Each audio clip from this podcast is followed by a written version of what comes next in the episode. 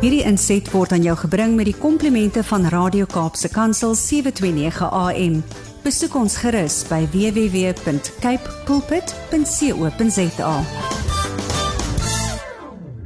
Fanie de Tooi, leefwêreld van die gestremde, hy en ek kuier weer hier saam met ons Fanie, baie welkom vandag. nou ons gaan 'n bietjie kyk na auditiewe stimulasie en uh, rondom gehoor. Verlede keer het ons gepraat oor gehoorverlies en die hele agtergrond daar rondom. Soos om so afskop met die deur in die huis val as ware. Fanie, hoekom is auditiewe stimulasie so belangrik? Kimma, dis 'n baie belangrike vraag. Baie dankie vir die geleentheid dat ons 'n bietjie verder kan gesels oor gehoorverlies veral onder ons bejaardes. Maar as 'n mens nou kyk na gehoorverlies, In die vorige gesprek wat ons gehad het, het ek gepraat van dat jy sekere frekwensies dan nie kan hoor nie. Nou as mens nou na 'n sinnetjie kyk en iemand sê nou in 'n gesprek the quick brown fox jump over the lazy dog. Nou wat gebeur is die persoon mis die hoë frekwensies en die persoon sou miskien hoor the quick brown maar die persoon mis die hoë frekwensie van die f in die f die f klank en die persoon hoor the quick brown ox. Nou kan ons sien wat die implikasie daarvan is. Daar's tog 'n groot verskil tussen 'n wolf en 'n os. En die persoon dink dat daardie is wat hy gehoor het en sal stry tot die dood, want dit wat die persoon gehoor het. Nou, jou vraag is auditiewe stimulasie is so belangrik om op alle wyse deur middel van gehoorapparaat, of kokleaire implantings en terapie wat daarmee saamgaan om die vermoë wat die persoon het om ten, tussen klanke te kan diskrimineer dan te kan oefen om seker te maak om die kwaliteit van daardie persoon se gehoor te verbeter. Want jy weet baie mense sê ag ek het net so mindere mate van gehoorverlies. Maar dit gaan nie noodwendig as jy 'n mindere mate van gehoorverlies het oor die hardheid van die klank nie dit gaan oor die duidelikheid van die klank. En soos ek gesê het, 'n en 'n en 'n p en 'n k, daardie klanke gaan verlore in 'n gesprek. En dan kan iemand baie maklik 'n misverstand hê tussen die woord, byvoorbeeld, nog 'n voorbeeld mag gee, tussen death en deaf.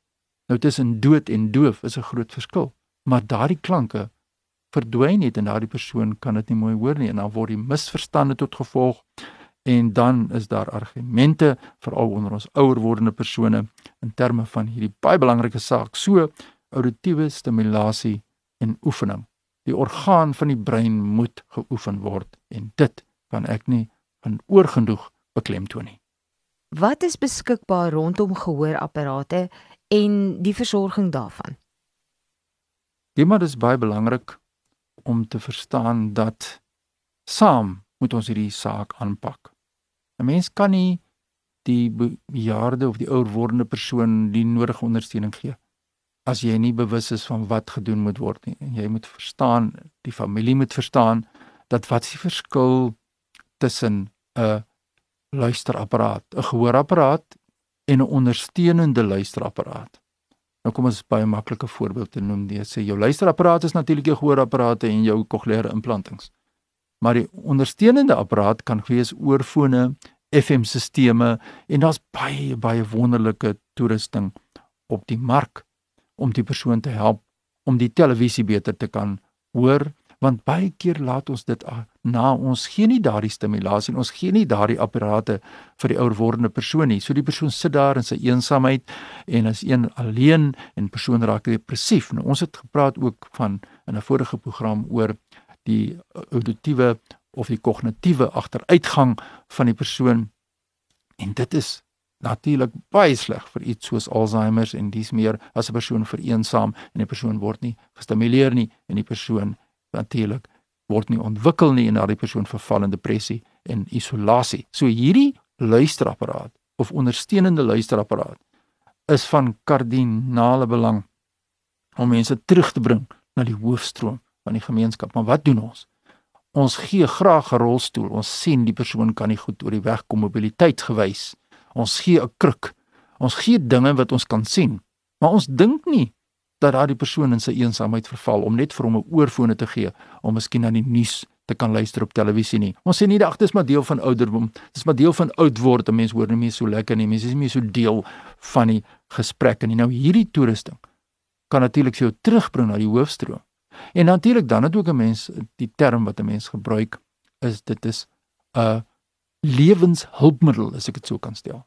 Dis nou byvoorbeeld alarmstelsels, wekkers wat vibreer wat 'n mens onder iemand se kopkussing kan sit waar daar 'n vibrator is en as die alarm afgaan, dan word daardie persoon wakker gemaak deur daardie vibrasie. Nou dit is iets wat jou lewenskwaliteit verander. As iemand by die deurklokkie druk en daar gaan 'n flikkerende lig aan in die huis, iemand kan sien wat gehoor gestremd is, daar's iemand by die voordeur. Daardie onafhanklikheid dat jy kan leef in jou huis, maar weet as iemand jou soek, as die telefoon lui sal daar 'n flitsende lig aangaan. So daar's soveel wonderlike toerusting wat vir bejaardes beskikbaar gestel kan word, maar soos ek gesê, ons fokus nie altyd op die minder sigbare forme van gestremdheid nie. Wat kan instansies doen om hulle personeel te bemagtig om mense met gehoorverlies te kan verstaan? Nou om dit te verduidelik, gaan ek graag vir julle 'n briefie lees van iemand wat vir my geskryf het tydens die COVID-19. Dit is in Engels, maar ek gaan dit lees soos wat ek dit ontvang het, net om vir jou 'n beter idee te gee van wat deur families gaan in hierdie stadium.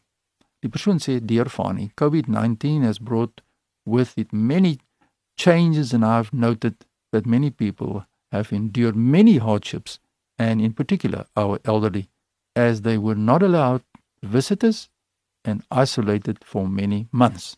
My mother is in frail care and not being able to visit her was extremely difficult, difficult for us as we were living in Cape Town. Over the Christmas season, they were allowed visitors and noted the following. The degree where, or the area where the visitors were allowed was a large dining area with a few chairs and tables, and the sounds was ter- terrible.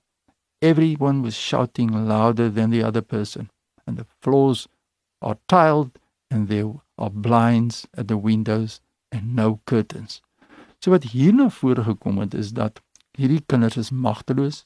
Hulle het die ouer besoek, maar die omgewing het so geraas gemaak en dat akoestiek is so swak dat hierdie kinders dit uiters traumaties ervaar het en dan gaan die persoon voort en sê gedurende daardie tyd moes hulle kon die toe die grade verwissel het in die isolasie kon hulle nie die persoon besoek nie. Hulle moes by die heining gestaan het en in die wind gestaan en praat het met hulle ma wat aan die agterkant van die draad staan.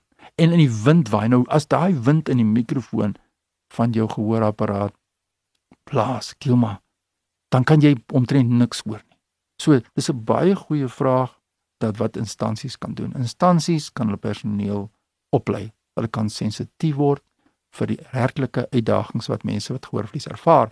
En die goeie nuus is iemand kan my e-pos stuur fani.dt by mweb.co.za.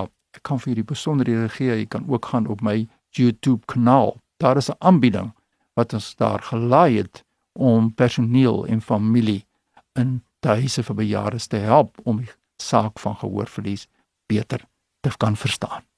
Ai, Fanie, ek het weer vandag baie geleer. Baie dankie vir jou saamkuier. En uh hoe kan mense jou kontak? Gilman, net weer my e-posadres is fanie.tt by mweb.co.za. Die mense is welkom om met my te skakel oor die uitdagings van gehoorgestremdes, veral ons onder ons ouer wordende persone. So het ons aan die einde van die program gekom, Fani. Baie baie dankie vir hierdie insig. Onthou, jou gehoor is 'n gawe. Kyk mooi na jou ore en wees bedag op ander wat gehoor verlies het. Totsiens. Hierdie inset was aan jou gebring met die komplimente van Radio Kaapse Kansel 729 AM. Besoek ons gerus by www.cape pulpit.co.za.